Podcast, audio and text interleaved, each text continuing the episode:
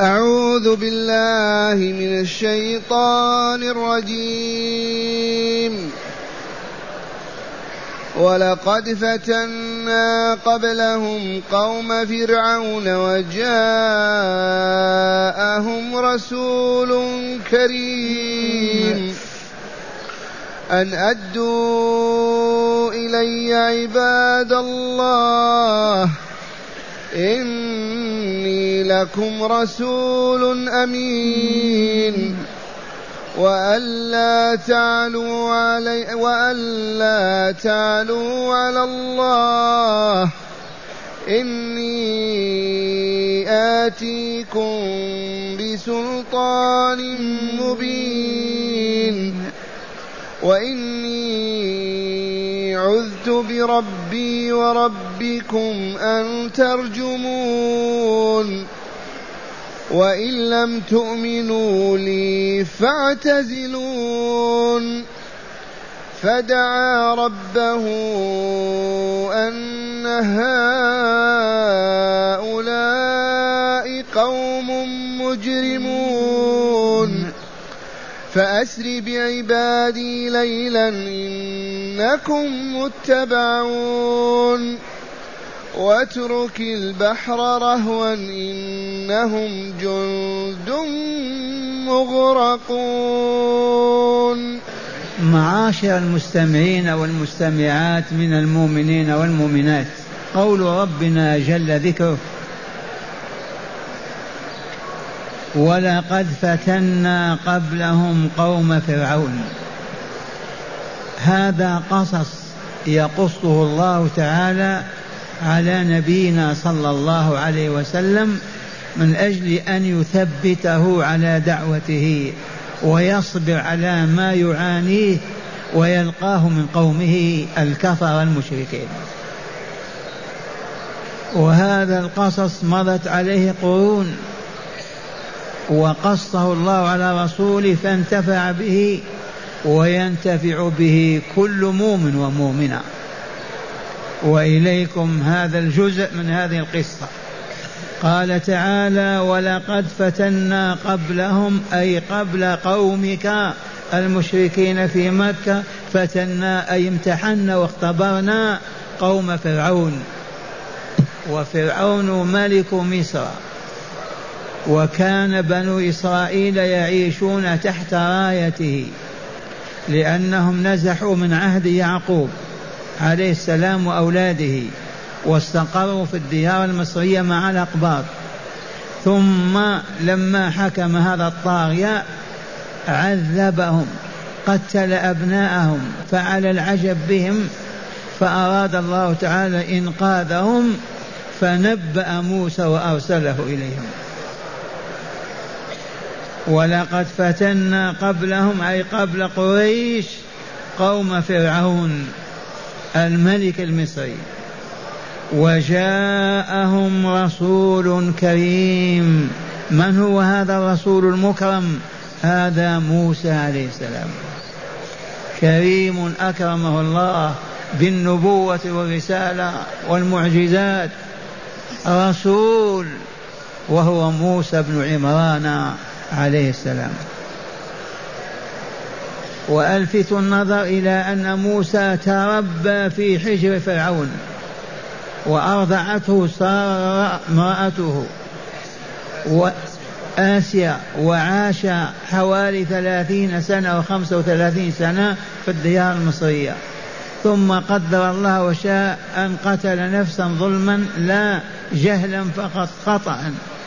وحكموا عليه بالإعدام فخرج فنزل بديار مدين وأقام بها عشر سنوات يرعى الغنم لشعيب ثم بعد ذلك أخذ أهله واتجه نحو مصر وفي الطريق نبأه الله وأرسله فهو نبي الله ورسوله. قال تعالى وجاءهم رسول كريم ماذا قال لهم ماذا طلب منهم؟ أن أدوا إلي عباد الله. إني لكم رسول أمين. أعطوني عباد الله وهم بنو إسرائيل أولاد الأنبياء والمرسلين. اتركوهم أذهب بهم إلى ديار القدس. عذبتموهم ونكلتم بهم وآذيتموهم أعطونيهم. ما طلبنا أكثر من هذا. أنا أدوا إلي عباد الله. وهم بنو إسرائيل. إني لكم رسول أي من الله بين الرسالة إذ المعجزات في يده وفي عصاه.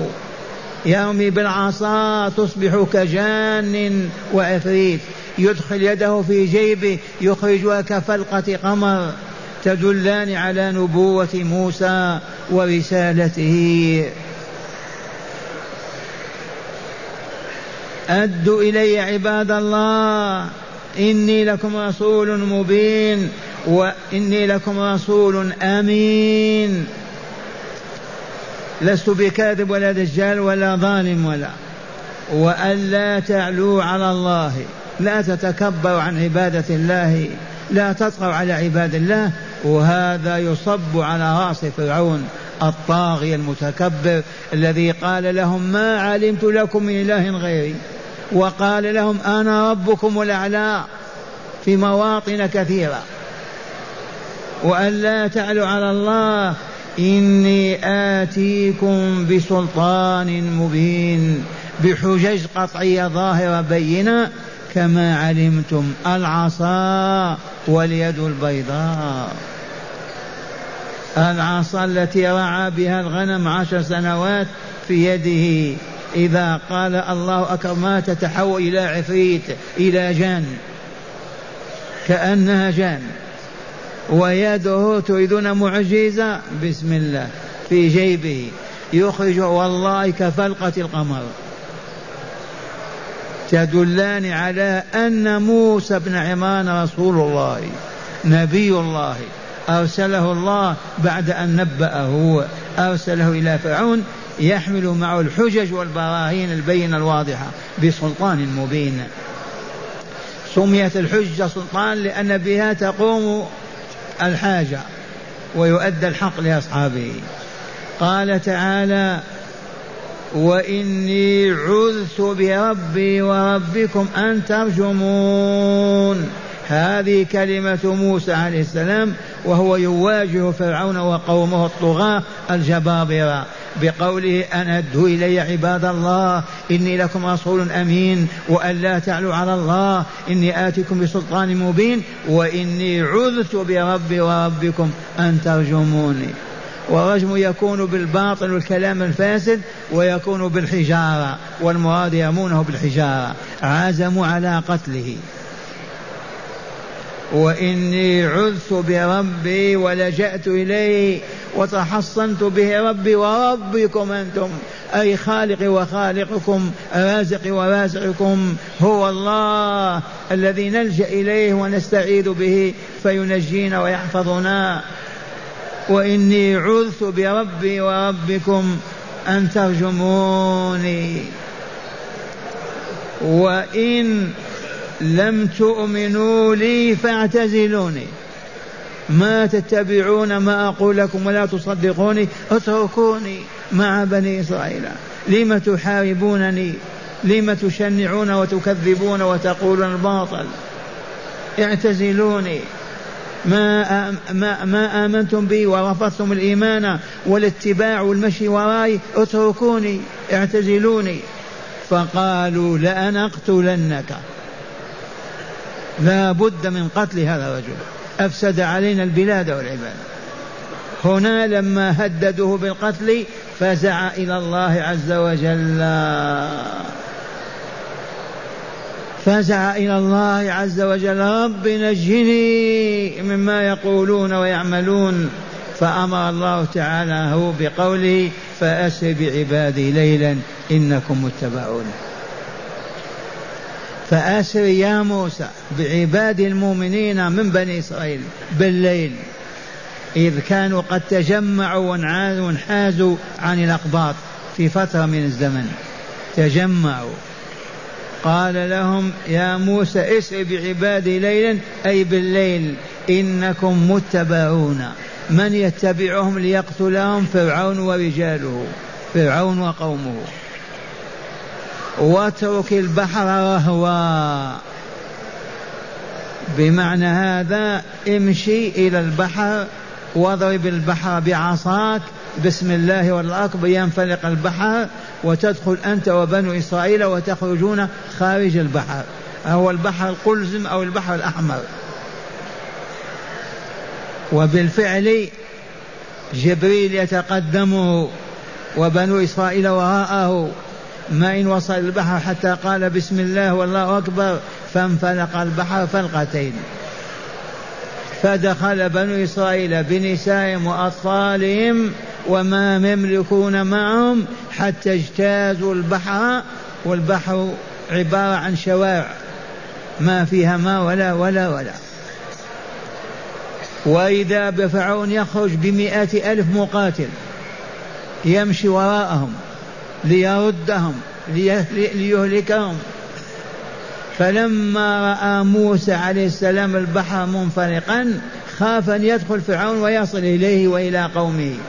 فقال فأراد أن يرمي البحر بعصا ليعود كما كان. فقال له ربه تعالى اترك البحر أي مفتوحا إنهم جند مغرقون. خلي البحر كما هو. والله ما إن دخلوا وتوغلوا فيه عن آخرهم حتى أطبق الله عليهم البحر فأغرقهم أجمعين. آيات رب العالمين.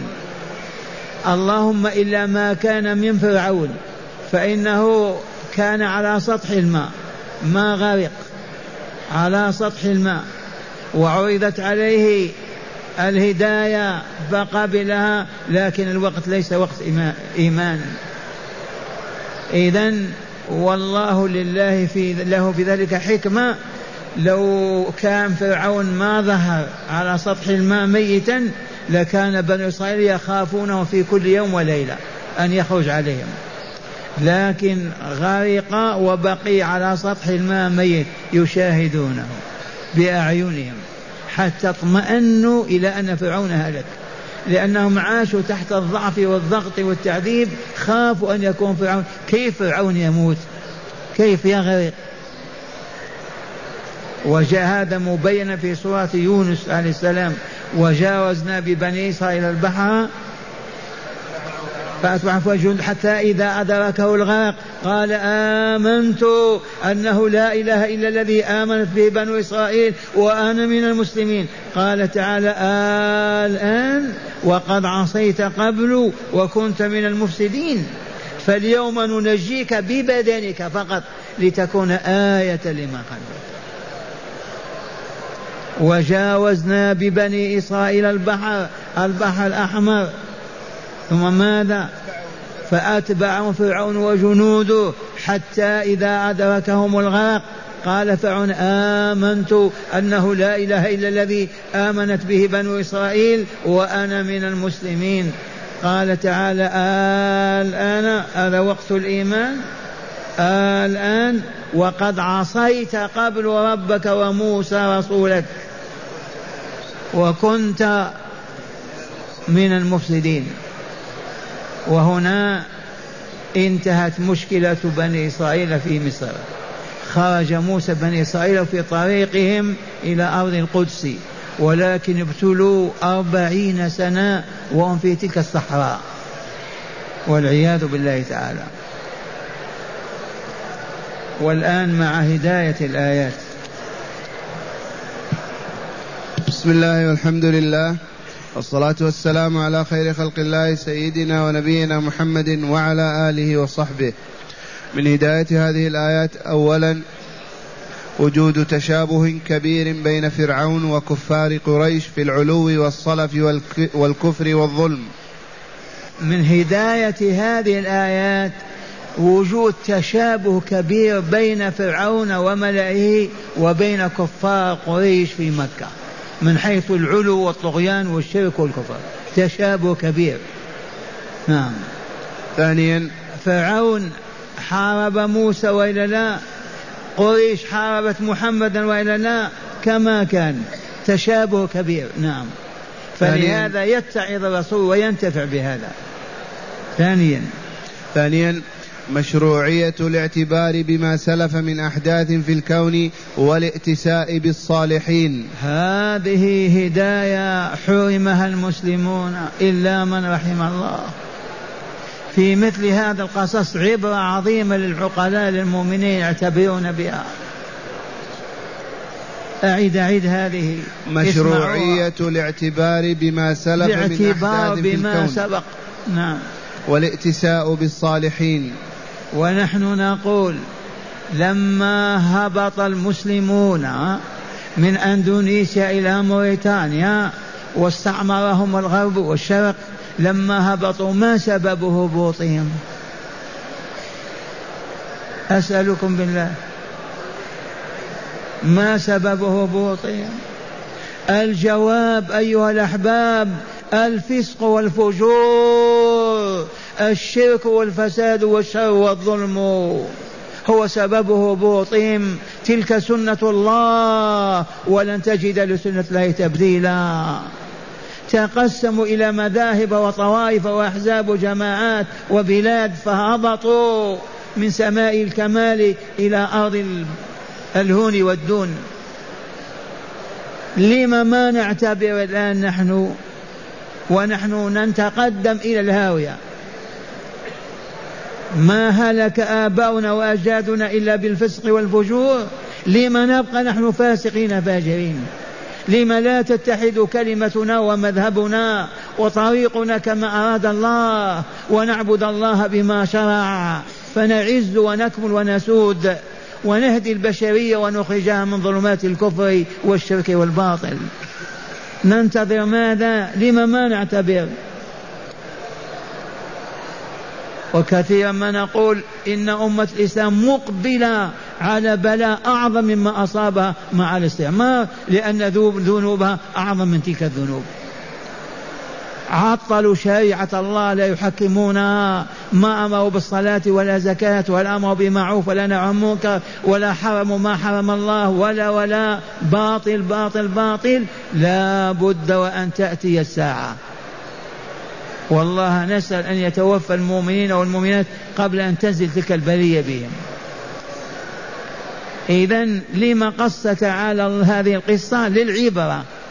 ليعتبر بنو إسرائيل ليعتبر العرب مع بني إسرائيل.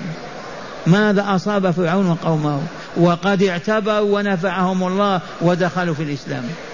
اقرأ.